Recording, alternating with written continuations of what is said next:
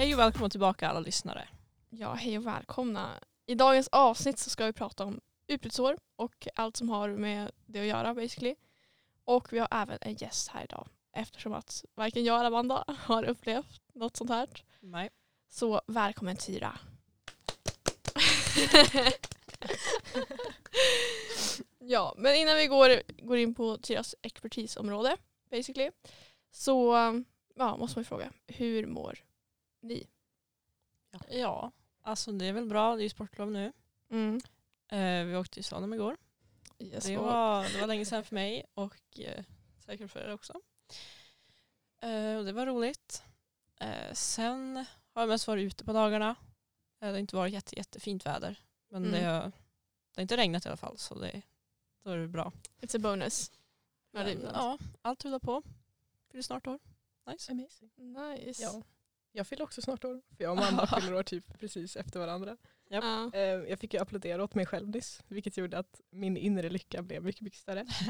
Jag var ju också med och åkte slalom igår. Eh, försökte lära mig åka snowboard tillsammans med Isabelle. Yes, och nu har jag blåmärken överallt. Men alltså, det var ju skitnice. Alltså, jag tyckte det var jätteroligt. Jag kommer få 110% fortsätta. Jag kommer inte fortsätta. Nej okej det var- Man kände, jag håller med, man kände swagen. Man Ah, ja. kände sig fräsig.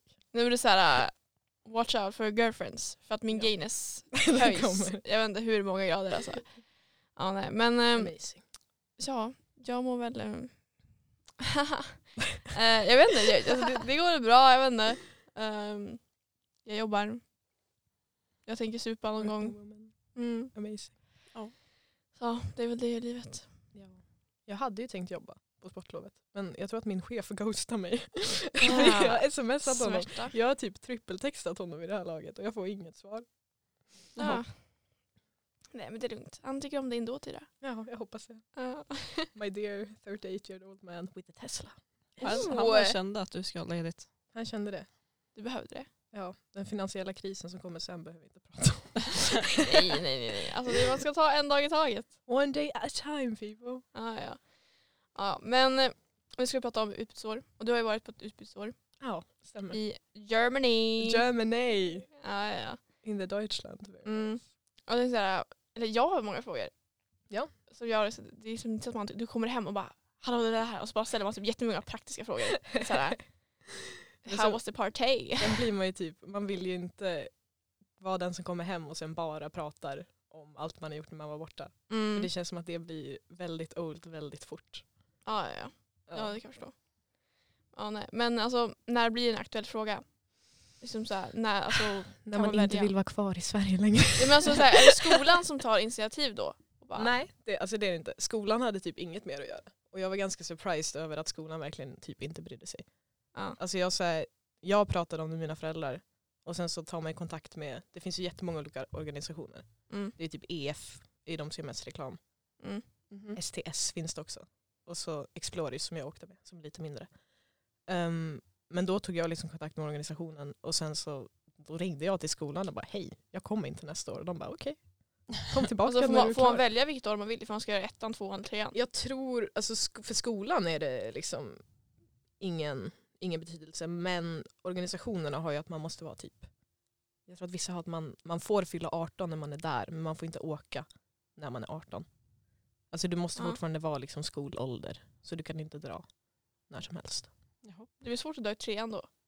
Det är svårt att dra i trean. Vi har ju Anna är ju borta nu. Ja, Jag vet inte om, men hon fyller ju, i april. ja. Hon blir 18, nej hon blir fan 19. Hon har varit Ja. där när hon har varit 18. Precis, Mm. vilket confusar mig lite grann. Så jag vet inte exakt hur. Det kanske är också att det är olika för olika land. Ja, För jag åker ju, jag åkte ju med en svensk organisation. Mm. Men de har ju som en parorganisation i landet man åker till. Mm. Så jag hade som, så fort jag hamnade i Tyskland så hörde jag ingenting från den svenska organisationen jag åkte med på typ ett år. Mm. Och det var bara den tyska organisationen som hette DFSR då. Mm. Som jag liksom fick min kontaktperson genom. Så allt som jag fick om info liksom om vad som hände var genom den tyska organisationen istället. Så de kan ju ha andra regler än vad liksom Exploris hade. Ja, nej det är sant. Sy. Men alltså det är ju expensive. It's expensive. Ja, men så, alltså, hur mycket kan man räkna med att det kostar liksom? Det beror jättemycket på vart du ska någonstans. Ja. Alltså du, är ju, du maker ju bank på att stanna i Europa. För att Mm. du får du CSN.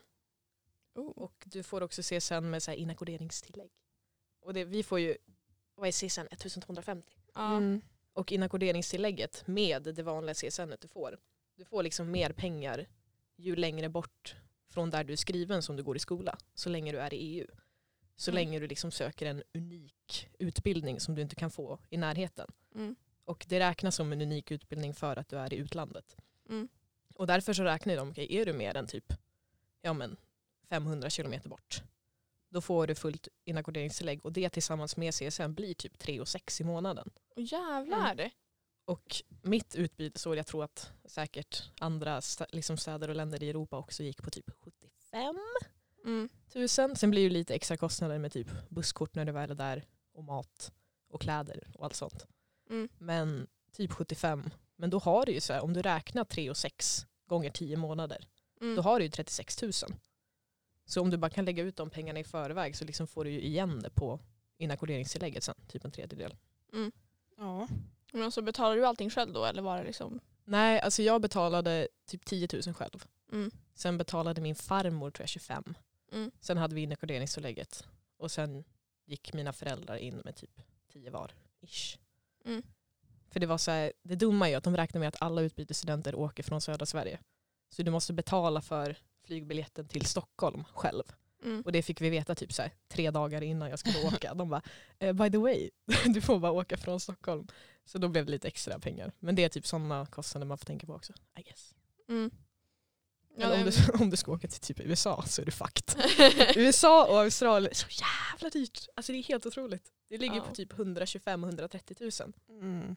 Mm. Alltså, om jag hade åkt någonstans så hade jag antingen åka till Frankrike Mm. eller Australien. Alltså, jag älskar Ja. Australien. Men Australien är ju sick.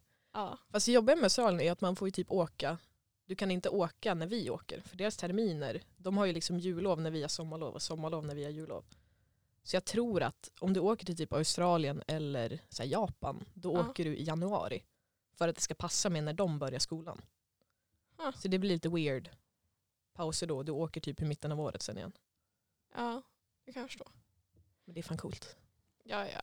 Det kan, det kan man flexa. Det är ju fruktansvärt långt. Det är jävligt långt. Tidsskillnaden hade jag inte fixat. Mm. Det var jätteskönt att veta liksom, okay, klockan är 12 här, klockan är 12 hemma. Men att behöva tänka typ okej, minus nio timmar. Jag har Ja, inte, inte brain power till Jag det. tänker att det kan vara jobbigt så här, kommunikationen också för de som är hemma. Mm.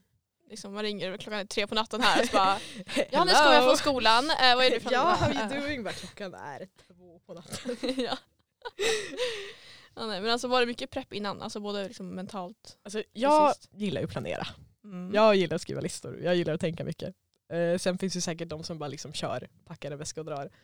Ehm, Det är men Amanda. jag gjorde, Amanda hon bara, Ja, "Det är precis. mest jag drar Amanda hit." I'm going. Men det är ju Om alltså, ens packa en väska, det är ganska mycket arbete. det är ganska mycket förutom, man tänker ju automatiskt på typ så här, ja, men packa, vad ska man ha med sig, sådana grejer. Mm. Men det var ju helt okej. för man vet ju att liksom, ja, men okej, det är mycket jag kan köpa när jag väl är där. Mm. Det jag tyckte var jobbigt var att det var jävligt mycket pappersarbete man skulle göra som jag inte tänkte på. Mm. Ehm, så jag fick ju efter det att jag hade ansökt och liksom de hade sagt okej, you're good to go. Då fick jag ett typ ett mail som tog mig till en hemsida med ett program. Där det var typ så här 15-16 flikar med grejer som jag skulle fylla i. Och det var Mm. typ så här, man ska skriva brev till värdföräldrarna, man ska skriva brev till organisationen, föräldrarna ska skriva brev till värdföräldrarna. Och det, är liksom, det går ju. Men sen är det en massa administratoriskt när du ska ha så här en hälsodeklaration och jag behövde skicka in mina betyg sen åttan, alltså varje termin sen åttan. Ja. Och jag behövde liksom, ja, men då göra en hälsoundersökning, jag behövde vaccinera mig för jag hade inte tagit typ hepatit B-vaccinet. Mm. Så det var mycket sånt där som liksom, jag är jävligt glad att jag började när jag började. För jag Mm. hade typ, jag fick det, jag sökte ganska sent. Jag sökte typ januari. Och det är ju vissa som söker typ ett år innan. Mm. Ehm, Ja. Så då, jag sökte i januari, jag fick alla de här papperna i början av mars. Och så skulle de vara inne i slutet av mars. Så jag hade ju en månad när jag sprang runt som en jävla idiot och bara jag måste till doktorn, jag måste vaccinera mig. Mm. Jag måste göra jag vet inte vad. Så det var mycket som jag inte hade tänkt på skulle komma som ändå blev liksom en grej.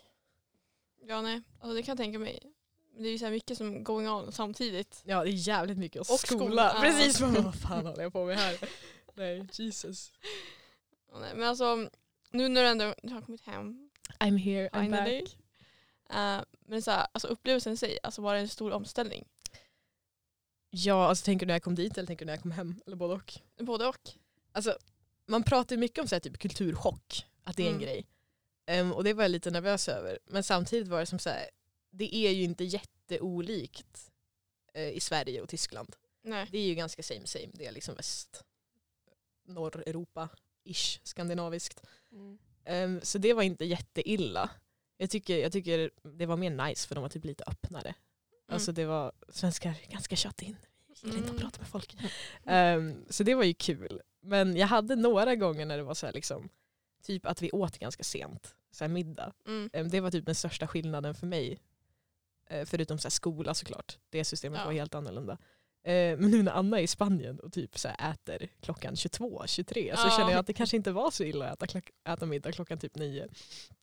Ehm, men jag minns en gång jättetydligt när jag, så här, jag kom dit och så gick jag runt hela dagen, jag var svinhungrig.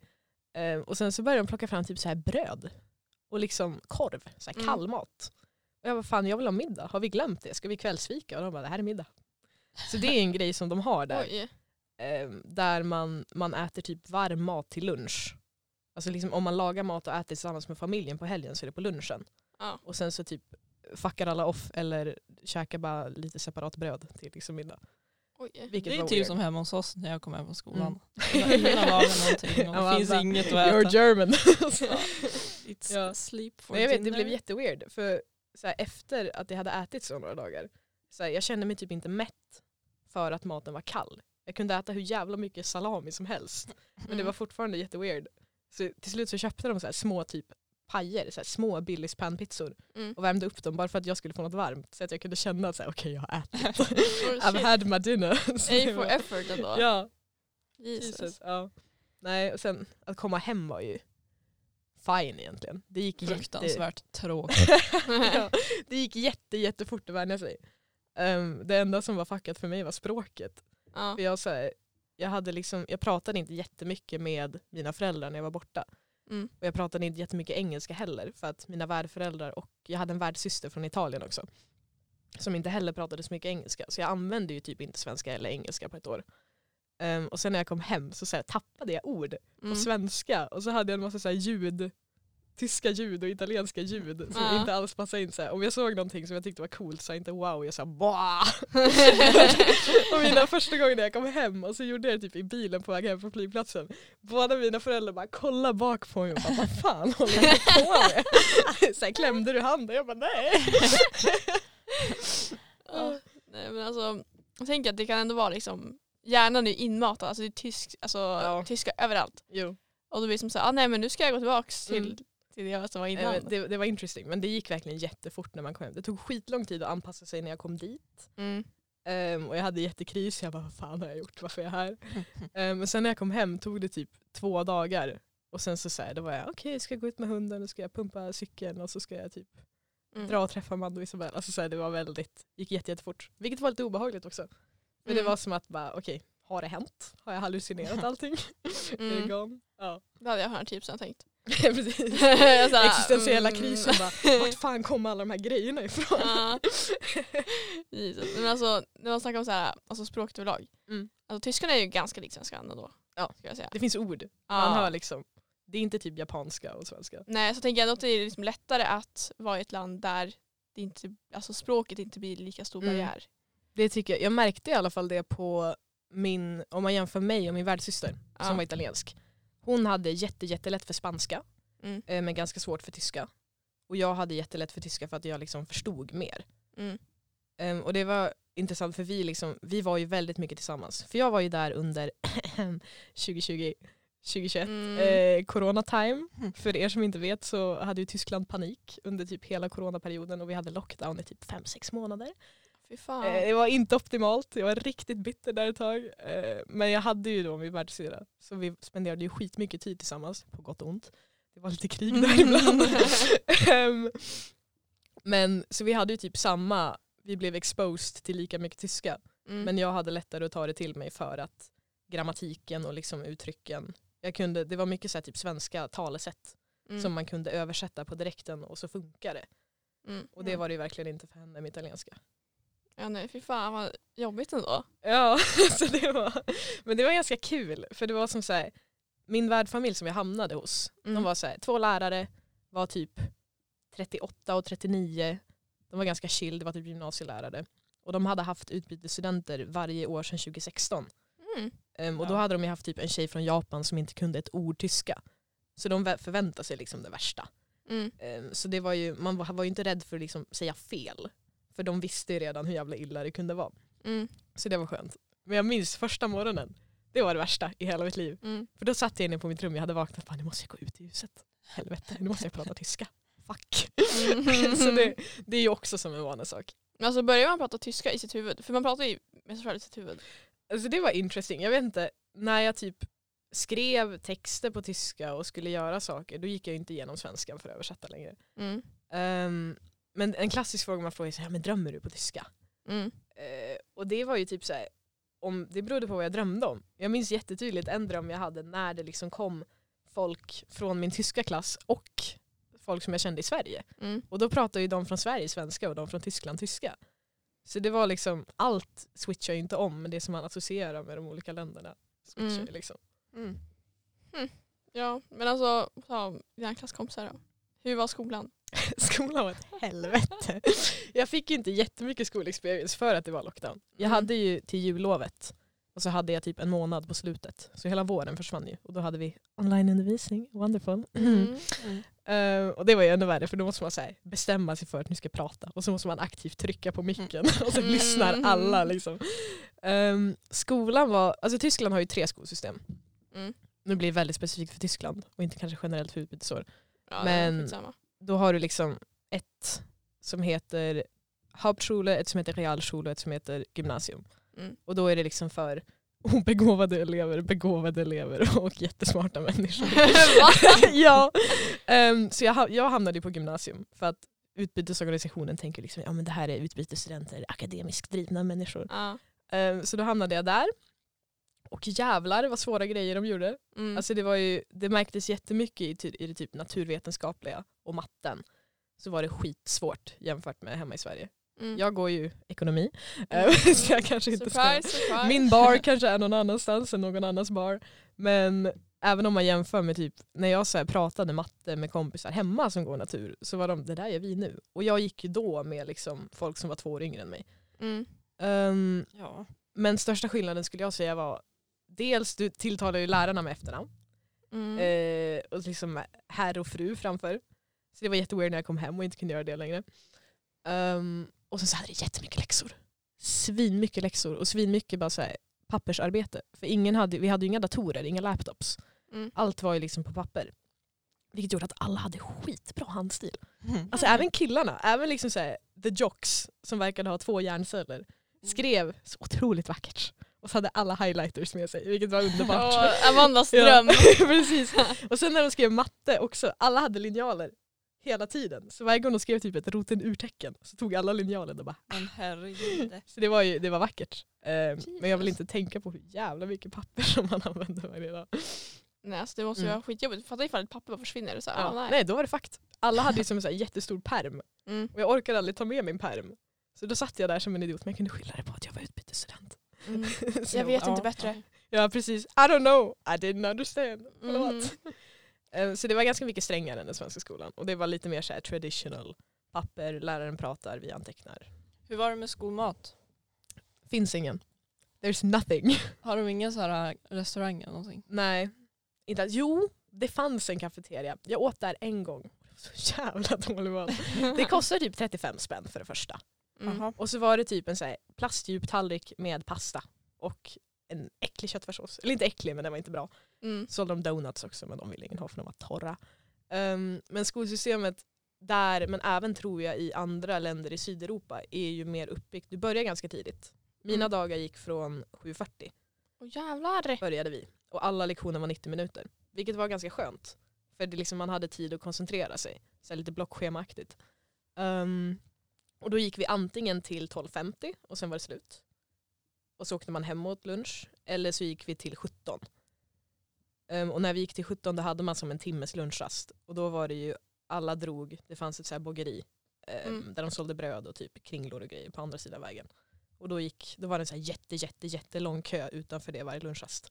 Så de måste ju ha makeat fucking bank Alla gick dit. på det där bageriet. Men det var ju helt jävla sjukt. Alltså de Oj. sålde, alla åt bröd. Alltså jag- carb-intaget i Tyskland. Så här, brödet, jättegott. Jag har aldrig ätit så mycket bröd i hela mitt liv. Det var otroligt. Men det var ju inte mycket variation. Ja, men alltså jag förstår inte. Alltså, tänker de att bröd är liksom middag? Alltså jag... Jag vet inte, det var väldigt mycket bröd. Ta- Tallriksmodellen, vars lo- är den? A lot of bread, I do not know. Nej men det hade jag ganska svårt med.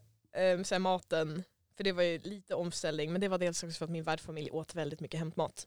Mm. För att båda jobbade svin mycket för de var typ rektorer båda två.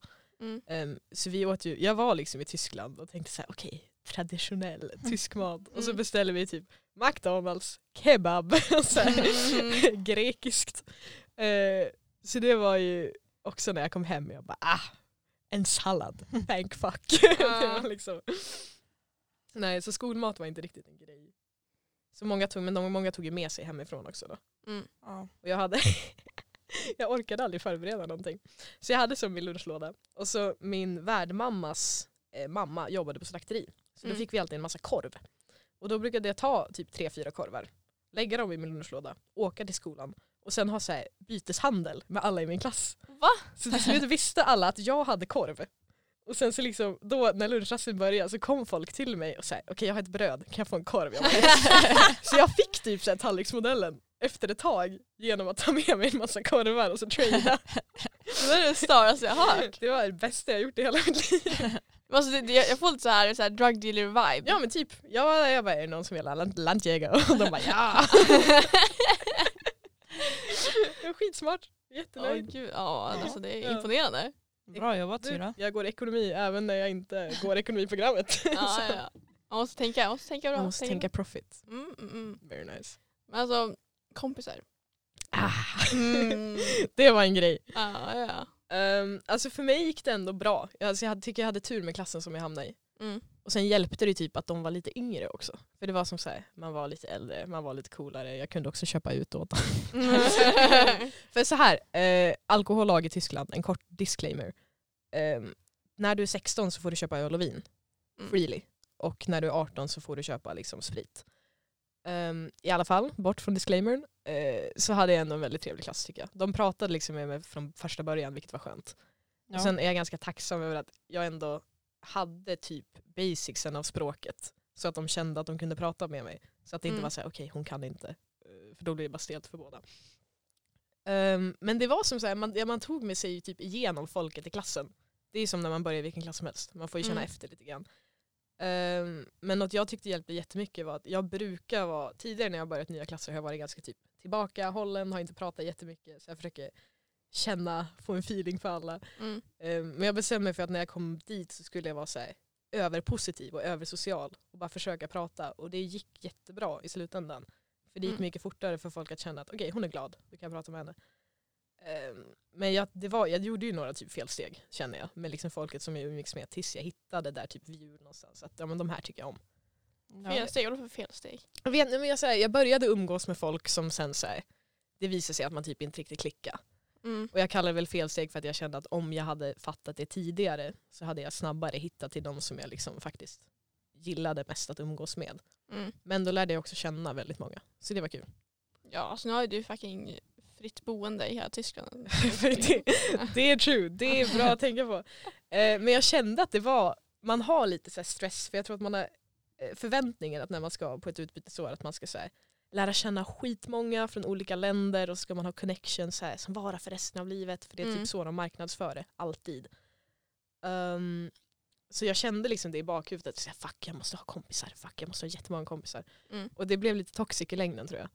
För att så här, Du blir mer desperat. Ja, och så precis. tar man, liksom, tar man bara Ja. allt. och det känner väl folk av också när man är så här, Mm. när det märks att man har någon ulterior motive. Ja, och sådana människor tycker vi inte om. Nej men det, det tycker jag ändå. Det, vi hade ju heller inget, ehm, de flesta organisationer har ju att man har som ett stort typ meetup innan Mm. man åker till sina respektive värdfamiljer. För att liksom träffa alla utbytesstudenter som är i landet det året. Mm. Det hade ju inte vi because corona. Mm. Just så det fick vi inte. Så jag lärde inte känna några andra på det sättet. Men jag hade ju min världssyrra. Och det finns ju som risken att man då väljer att okej, de här som är utbytesstudenter har man ju redan jättemycket gemensamt med. Och så tänker man att okay, jag umgås med dem för det är lättare. Och då Mm. vet man också att den kan inte heller språket. Ehm, men jag tror att jag hade tur där eftersom att jag just hade typ inga utbytesstudenter i mitt område. Mm. Så då var det som att dels så var jag kanske lite intressantare att prata med för att det bara var jag. Eh, Men det var också lättare för mig för att jag behövde liksom tvinga mig själv till att lära känna tyskar istället för att kunna göra något annat. Mm. Och då var det Ja. tyska som gällde. Ja, the German! si. Eller ja. Ja.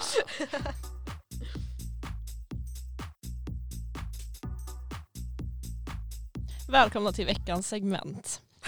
Och eh, den här veckan hade vi tänkt eh, fråga Tyra om hon har Si. några intressanta upplevelser eller historier. Ja. från hennes Ehm, äventyr. Det, det är storytime-dags, mina Ja. kära vänner. Mm.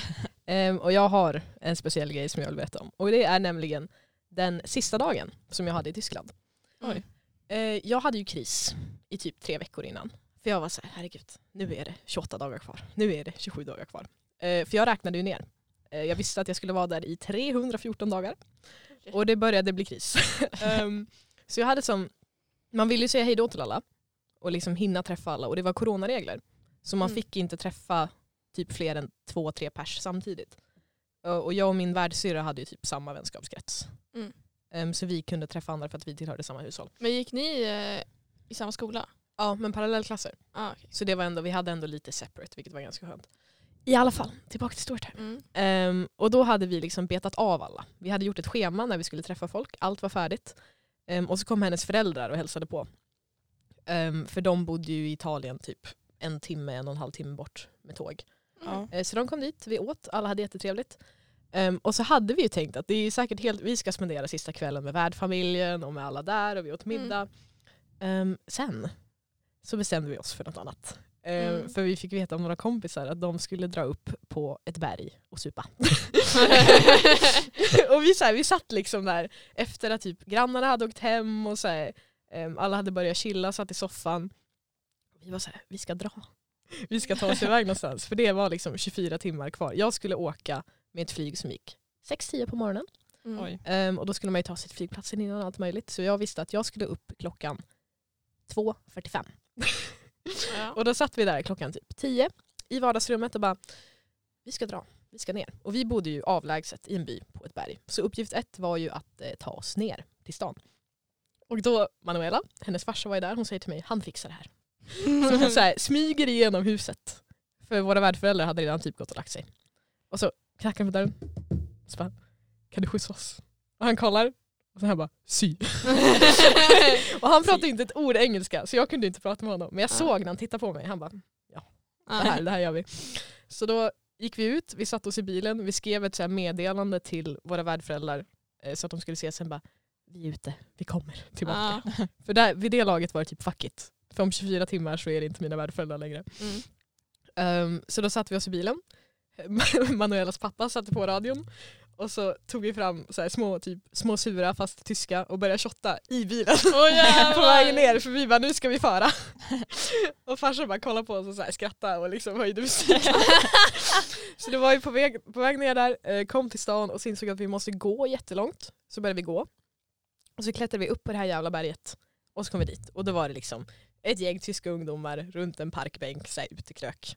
Ehm, så satt vi där, drack lite, drack lite för mycket. Mm. Ehm, och det var samma kväll som Italien hade vunnit fotbolls-VM. Mm. Så det var ju fucking party nere i stan också. Så man hörde ju liksom så bilar tuta och det var så italienska flaggor för det bor jättemånga italienare där vi bodde. Ehm, och sen så då skulle vi ju typ hem där någonstans. Mm. Och då var det vi och två andra killar som vi hade umgåtts med ganska mycket tidigare. Ehm, som vi också hade ett encounter med med polisen så typ någon vecka innan så vi hade bondat jättemycket över. Ehm, så då skulle vi hem med de där två. De var svinfulla. Manuela var svinfull. Jag var inte jätte... Jag var nyktrast av oss. Ja. Ehm, så vi gick ju ner för det här berget i liksom typ zigzag formation för att ingen kunde gå rakt. Kommer ner till stan där det är bilar och italienska flaggor och smällar överallt. Ehm, och så ska vi då ta oss hem. För klockan är typ så här, två timmar innan jag egentligen ska vakna och åka Mm. till flygplatsen. Ehm, och då ser vi så här Manuelas farsa i bilen som står och väntar. Och han sitter ju inte där och väntar, han är italienare och det är fucking party. Så han står utanför och så här typ fistpumpar Mm. i luften och så här! Ja, Ehm, så kommer vi dit, han bara in i bilen, in i bilen. Och så åker vi upp igen. Och sen så, då sov jag i typ 45 minuter. ja. Ehm, och sen så var det dags att vakna och åka till flygplatsen. Ehm, och jag var ju fortfarande lite liksom lullig Ja. eh, när vi åkte dit. Och det hjälpte ju inte sen, eh, då var jag jättedepressed. Jag började gråta när jag stod i Nej. säkerhetskontrollen. Eh, för det var ju jättekonstig känsla när man skulle säga hejdå. Eh, Och det Ja. hjälpte ju inte att jag hade varit liksom en timme tidigare satt jag och drack typ rom på ett berg. Ja. så det var väldigt många mixed feelings där.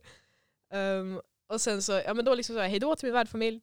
Um, började gråta efteråt att jag gått igenom metalldetektorn i Mm. så här, säkerhetskontrollen. När, samtidigt som en kvinna stod och så här, tog på mina lår Mm. och liksom kände om jag hade bomber med mig. Ehm, och sen så satt jag i flygplatsen där och sen så någon gång i Amsterdam så började jag att må skit. Då var det som att jag sov typ en timme ja. eh, på någon av flygplatserna medan jag väntade och där kom bakfyllan. Och jag, det kändes som att jag skulle spy. Alltså jag satt och liksom så här, kvällningar i typ timmar och så skulle jag på ett flyg och så skulle jag av från ett flyg. Och medan så hade jag liksom Manuela som åkte dagen efter mig Ja. som liksom skickade så här updates bara jag mår skit, hur mår du?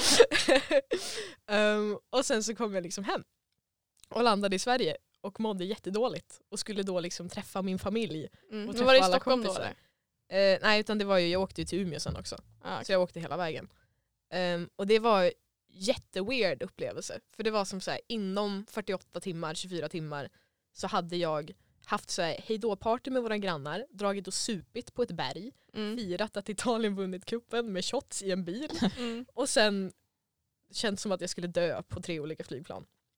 Så det Mm. var ju liksom go out with a bang i slutet på året. Ja, ja, ja. Eh, så det är hot tip från mig, gör sista dagen till någonting roligt. Mm. Men det var ändå händelserik, händelserikt dygn.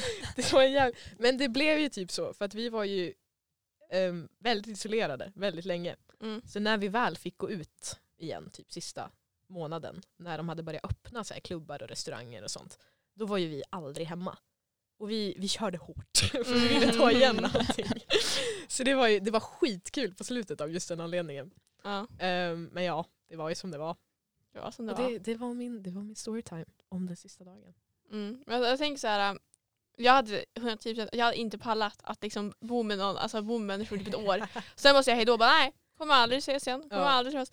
Alltså jag hade, mitt psyke hade gått, alltså brytits ner. Alltså jag hade aldrig, mm. Ja, alltså det är ju weird. Det är ju, Whatsapp är en grej i Ja. södra Europa som alla använder. Som tydligen Sverige bara har missat. Mm. Ehm, och jag hade ju väldigt mycket kontakt med mina värdföräldrar. Alltså från typ maj till juni när jag åkte så skrev vi typ varje dag, varannan dag. Mm. Så jag kände ju typ att jag kände dem ganska bra när jag kom dit. Vilket var jätteskönt.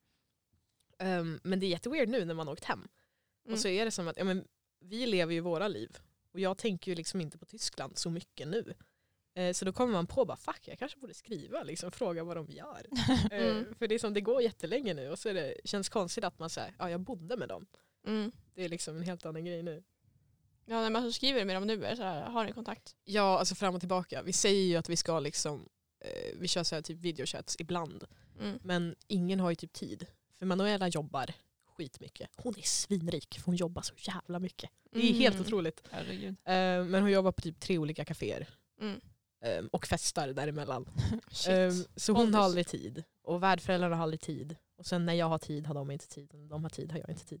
Så det blir jävligt glest. Men det är svårt att veta liksom, vad de gör. Ja det är jättesvårt. Och så skriver man liksom hej kan vi, kan vi prata? Och så bara nej, not right now. Mm. Eh, så det krävs ju ganska mycket energi för att hålla igång det. Jag har ju som kompisarna som jag har där, Mm. snappar jag ju mycket med. Så jag har ju typ mer regelbunden kontakt med dem för att det är mer så här casual på Snapchat. Mm. Um, men man känner ju ibland bara fuck, nu har jag inte pratat med den här personen på två månader. Kommer de ihåg mig? Mm. Ja, nej, jag. Men alltså, ibland så, så här, kan vi typ gå någonstans och sen så bara börjar vi prata på tyska och bara bla bla bla. Jag bara vad är det hon försöker? Så bara ah, det är en snapchat-video. Och jag bara Ja. okej. det är necessary.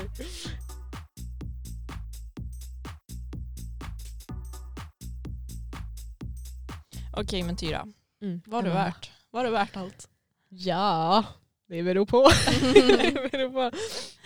Alltså, jag skulle ju inte byta bort det mot något annat. Du ångrar det inte? Jag ångrar det inte. Nej men det är ju bra. Ehm, jag ångrar, om det är något jag ångrar så är det att jag åkte när jag åkte. För Jaha. att det känns som så här, ja det blev corona och det blev inte alls som man väntade sig Mm. av den anledningen. Men jag hade inte velat sitta hemma i ett år istället.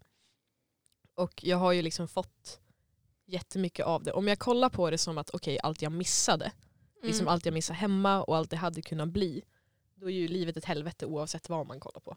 Mm. Så jag har ju liksom fått jättemycket i mitt liv nu som jag inte hade om jag inte hade åkt. Ja, så det blir liksom en ny livserfarenhet. Det är värt det. Det är, Ja. intress- alltså det är intressant för att det är många som säger typ så här, ja, man åker på utbytesår och så kommer man hem och så är man en helt ny person. Typ. Oh. Ehm, så här, personlig utveckling och det vet jag inte om jag kände då. Alltså jag förväntade mig att jag skulle så här, plötsligt känna åh nu har jag leveled up, nu är Mm. jag en, en guru. Det blev ju inte riktigt så men man kände ju typ att när man kom hem så fick man en annan, så här, ett annat självförtroende för man visste att okej man kom dit och man kände ingen. Mm. Liksom, jag var där, jag kunde inte språket. Och sen när man åker hem så har man skaffat liksom, man har byggt ett liv själv Mm. utan att någon annan har varit där liksom gett en kontakter. Vilket gjorde att när man väl kom hem då var det som att allt jag gör hemma har jag gjort på ett språk som jag inte förstår. Så då var det som att det kändes ändå som att man fick mer confidence. Mm. Och sen fick man ju massa upplevelser och så lärde man sig ett språk. Så jag, ja. jag tycker Ja. det var värt det. ja men jag förstår det. Mm. Men nu är du tillbaka I'm back. Mm. och du går med 04. Det gör jag. Jag gillar tonläget du säger igår med 04. Förlåt till eventuella 04 som lyssnar. Ja, nej, Alltså, hur känns det att komma tillbaka och vara ett år bakom alla? Alltså, det finns ju för och nackdelar. Mm. Det är ju, om vi börjar med det positiva, så är det ju jätteskönt att titta på er, mina kära vänner, struggla med typ gymnasiearbeten, så här, kursprov, jobbiga liksom mattekurser, studenten och så vidare. Medan Mm. jag bara kan glida på och Ja. kanske liksom gå på någon studentfest men inte behöva göra allt jobbigt. Det Mm. kommer. Det kommer. jag vet, jag har mitt år sen. Ehm, men samtidigt är ju också det typ det som blir det jobbigaste.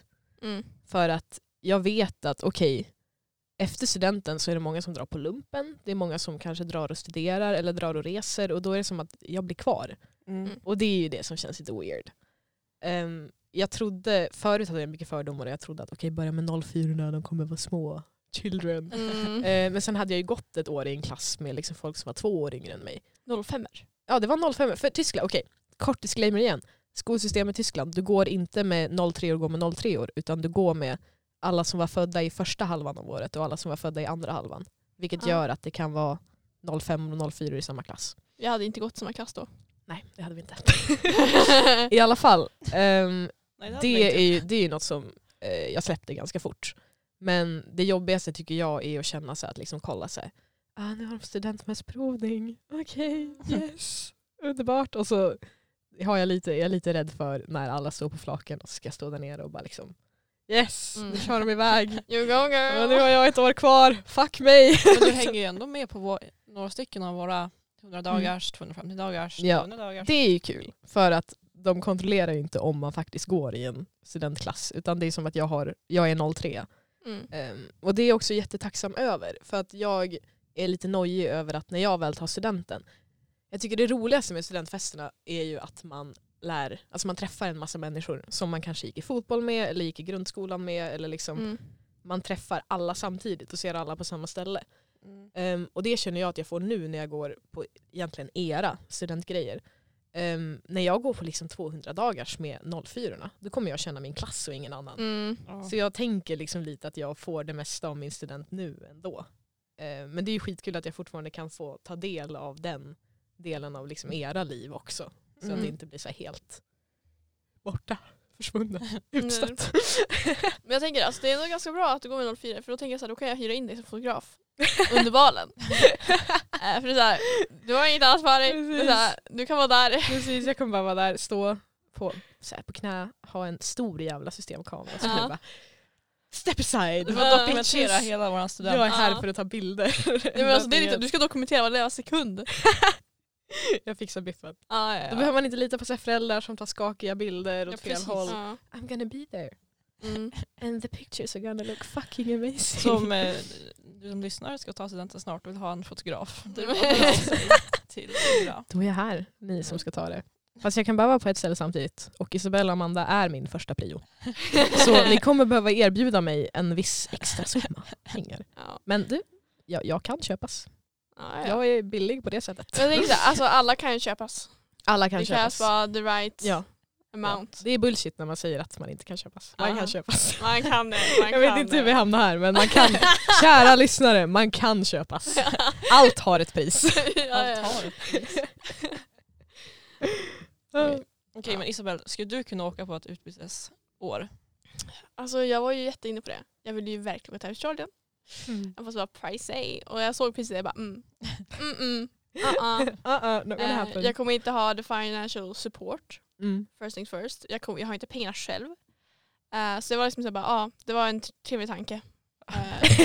Kommer Det var lite grej. Det hade varit nice att vara miljonär också. Ja men typ. Och liksom, jag, jag tänkte också det, typ så här, nej men typ när, när eh, både du och Anna åkte på UP Mm. jag kände liksom bara, alltså jag vill också ha liksom föräldrar som kan supporta att man gör någonting, upplever livet och att man har liksom likviditeten. oh wow. Ja. Economy terms. Mm. att man har likviditeten till att faktiskt kunna göra grejer. De är likvida medlen. ja precis. Så det var så här, jag, först var jag bara, var jag bara skitirriterad. Mm. Men det var för att jag var avundsjuk för jag hade ju lätt att Okej. göra det också. Mm. Ehm, men nu är det så här bara, ah, ja. Alltså, Ja. Alltså jag kan ju säga tvärtom också. Det var ju något som jag kände när jag var borta. mm. Du byter ju bort lite av din egna personliga frihet. Du byter bort ganska mycket av din egna personliga frihet. Mm. Och det är något som jag inte tänkte på förrän jag var där. Att du, har ju som, du bor ju med folk som inte känner dig sedan hela ditt liv tillbaka och då litar de inte på dig på samma sätt. mm. Så plötsligt hade ju jag som har ganska fria regler hemma i liksom när jag ska vara hemma och vad jag gör. Fått ganska tydligt, där ska du vara hemma, skriv vad du gör. Ehm, och liksom, det var ju något som jag kände när jag kollade hemma på vad ni gjorde. Mm. Det var det som att så här, ja, här sitter jag och känner mig som att jag är typ 15. Mm. Ehm, så det var ju något som jag var avundsjuk på när jag var borta. När jag såg er så här. Det kändes som att jag missade lite ungdomsliv. Mm. I Sverige. life. Ja, precis. Ja. Ja men det kan jag ju förstå också. Men Amanda, du har ju uttryckt ganska tydligt att du inte förstår det här med utbytesår. Va, varför? Var Alltså, kommer det ifrån? det finns några saker som jag verkligen, verkligen förstår varför folk vill. Mm. Och det är det här livs, eh, livserfarenheten. Man får changing. bara ta en paus från här i Sverige, fara bort till något land man tycker är intressant och leva där en stund, kolla liksom, ja så här är det här. Mm. Och det förstår jag 110 procent. Men. Det, ja, det, är- det är det som är positivt. Ja. Men sen att palla med allt, alltså det är så mycket arbete. Så här, man ska fara långt bort, det kostar multum. Ja. Ehm, Bensin kostar också multum. Mm. ja, jag vet inte hur det är i Tyskland dock. Bensin var billigare i Tyskland. Jag vet inte fan hur det är nu. Thank you Putin, Vladdy Daddy. Mm. Men alltså det är bara allt al- arbete. Liksom man Mm. far någonstans man inte känner en kotte. Man ska leva med någon annan, med någon familj, andra matgrejer. Man får inte bestämma allt själv. Man får inte Sant. supa egentligen.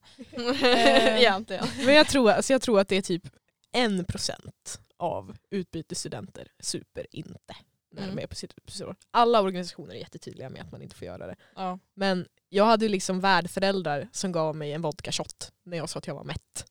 De bara det här rensar magen. Jag bara okej. så det är ju, man ska ta det med en nypa salt också. Ja, ja, ja. Men det är så mycket regler och, det är, och så ska man ju gå i skolan också. Ja det ska man göra. Och det känns så här, allt du gjorde i skolan nu, Ja, det känns som att det inte spelar så stor roll för du måste ju ändå gå om tvåan Det när du kommer tillbaka till Sverige. det är väldigt sant. Så det kändes som att man har lagt Mm. ner väldigt mycket tid som man kan ha lagt ner på skolarbetet i Sverige som spelar roll. Ja, men det är också något som är värt att tänka på. Alltså, olika organisationer, olika länder har ju olika förväntningar på hur man ska prestera i skolan när man är där. Ehm, och för min organisation så tror jag inte det fanns någon specifik liksom, snitt man skulle ha. Jag tror att de i USA vill att man ska ha typ genomsnitt C. Ja. Och det är ganska lätt för USA att ha lätt skola. Men alltså ett C i USA är ett A i Sverige. ja precis, ja, men det är ju typ multiple choice hela vägen. Ja. Ehm, Ja. men för Mhm. mig så var det egentligen ganska tydligt. Alltså det var ingen sa till mig, alltså det de gör är att de kollar hur det går i början och så kanske de varnar liksom, dina kontaktpersoner då om de börjar se att det plötsligt går väldigt skarpt neråt. Mm. Ehm, och det var ju misstaget som jag gjorde. För jag började ju tryharda. För jag bara såhär, ja nu är jag i skolan, nu ska jag Mm. köra som satan. Ehm, och det kunde jag göra för att jag var svensk och tyska är ganska likt. Mm. Så det gick lite lättare i skolan. Och då behövde jag plötsligt hålla den standarden. Ehm, men min värdsyrra, som då hade ganska svårt och liksom inte fattade allt som stod i texterna och så här, liksom fick översättningar, hon kunde ju chilla livet. Mm. För att det var som att det var standarden hon satte. Så man kan ju välja väldigt fritt egentligen hur, hur mycket man vill lägga på skolan. Ja. Alltså Mm. det känns som att om man ändå ska fara och göra skola som inte spelar någon roll Mm. i ett år, då kan man lika gärna fara på semester i ett valfritt land i ett år. Ja, men det finns ju länder som du kan tillgodogöra dig ditt år i också. Jag tror att USA kan vara en sån grej. Att man inte måste gå om. I alla fall vissa organisationer. Men det beror också på hur mycket skolan är villig att liksom, som du har hemma, att tillgodogöra det. Precis. Ehm, jag vet att Manuela till exempel, hon som bodde i Italien, min världssyrra, um, hon fick tillgodogöra sig sitt år. Mm. Ehm, det enda hon behövde göra var att när hon kom hem så skulle hon göra som typ mini-nationella prov Mm. på det som hon verkligen hade missat. Jaha. Så där tycker jag Sverige är lite dumt.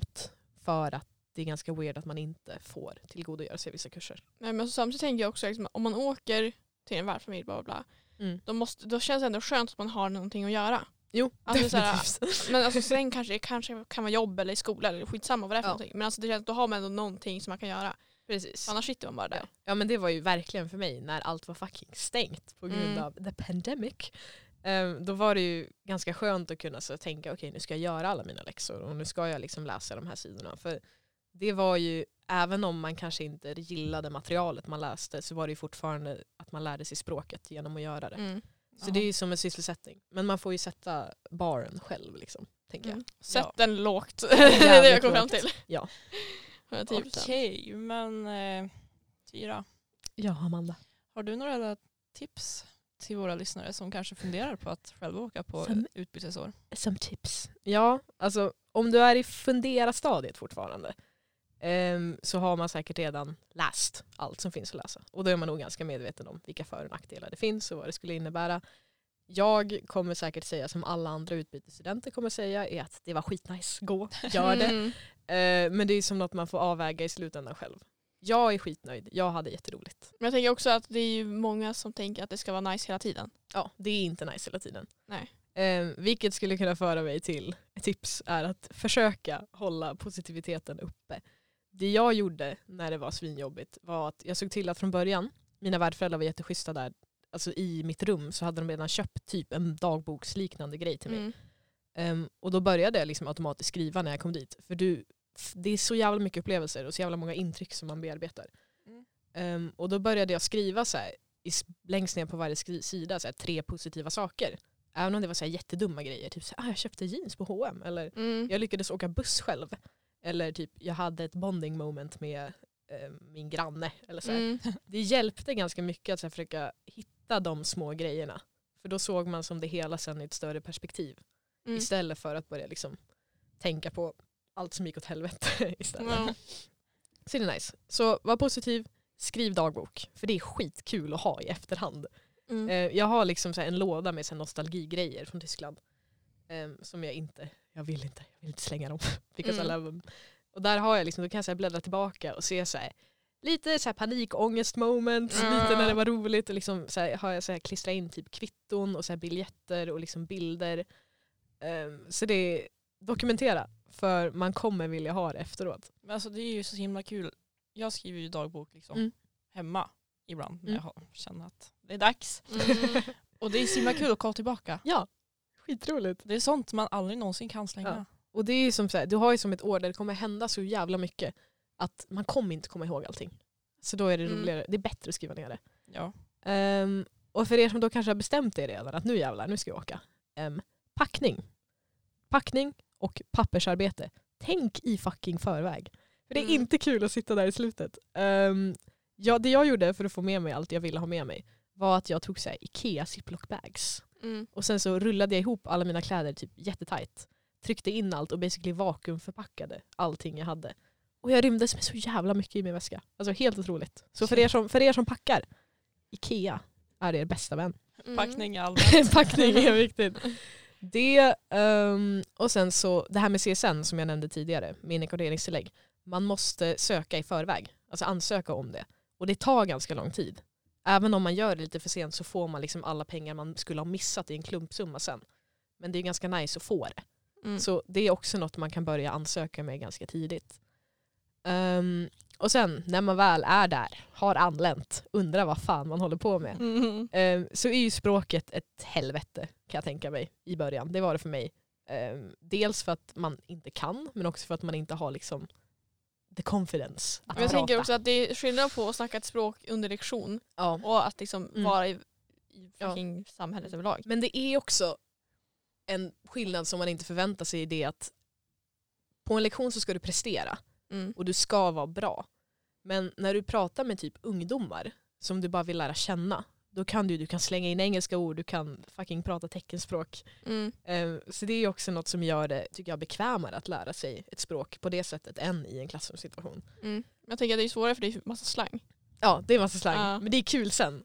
För det jag gjorde var ju att jag tog, jag tog en flashcard-app, Mm. eh, typ så Quizlet eller liknande. Och sen så skrev jag upp, varje gång jag hörde ett nytt ord och hade tid att skriva upp det så gjorde jag ett flashcard till det. Ehm, och så var det en flashcard-app som gjorde att orden, du fick liksom notifikationer med okej nu har du inte övat det här ordet på en månad. Och så fick du det igen så att du skulle komma ihåg allting. Ehm, och jag har ju typ, hur mycket kan det vara? 3 och 5, 4 tusen flashcards från min tid i Tyskland. Ehm, för att varje gång jag hörde ett ord jag bara fuck, skriv upp det, liksom repetera det. Ja. Och det gjorde ju att det fastnade väldigt fort. Och det kändes inte som att jag pluggade. För att de bara, liksom, det var bara med jämna mellanrum, typ på bussen till skolan. Mm. Och så hör du dem också i vardagen också. Så det hade varit tips. att liksom, Du måste inte sätta dig ner och aktivt plugga om du inte tycker det är kul. Jag gillar ju grammatik. Så jag satt ju och liksom Mhm. googlade grammatik för att förstå det. Men skriv upp saker som du inte hör. För de kommer fastna mycket snabb, eller som du hör, för de kommer fastna mycket snabbare. Och det hjälper en mycket i längden med liksom språkinlärningen. Mm. Ehm, ja, och det är väl mina tips. Gör Ja. det mesta av tiden när du är där. För det går så jävla fucking fort. Mm. Alltså första, första veckorna kändes som en evighet. Och sen så var det bara oj, efter jul så gick det liksom på tre sekunder. Så, så här bara njut av varje moment. Åk om du vill åka och gå till Ikea och köp en jävla massa ziplockbags. Carpe diem. Carpe diem. Fånga fucking dagen. ja men typ. Ja men Så vackert. ja, det var det här, Ja. det var det här avsnittet. Ja, Ja. det var det. Ja. Tack så mycket för att jag fick komma. Ja, jag Ja, känner very att det, nice. Tack själv. Jag hade tagit Anna ifall, ifall hon var här. Ja, fuck. Jag sa det, de sa hej vill du komma och prata om utbytesår? Jag bara pratade inte med Anna. Och de bara hon är i Spanien och vi får ingen bra kvalitet när vi kör på Facetime. Så nu är jag här istället. ja men det är lika bra, lika bra. Ja, men ehm, ja, det var det här avsnittet. Tack Ja. Tyra.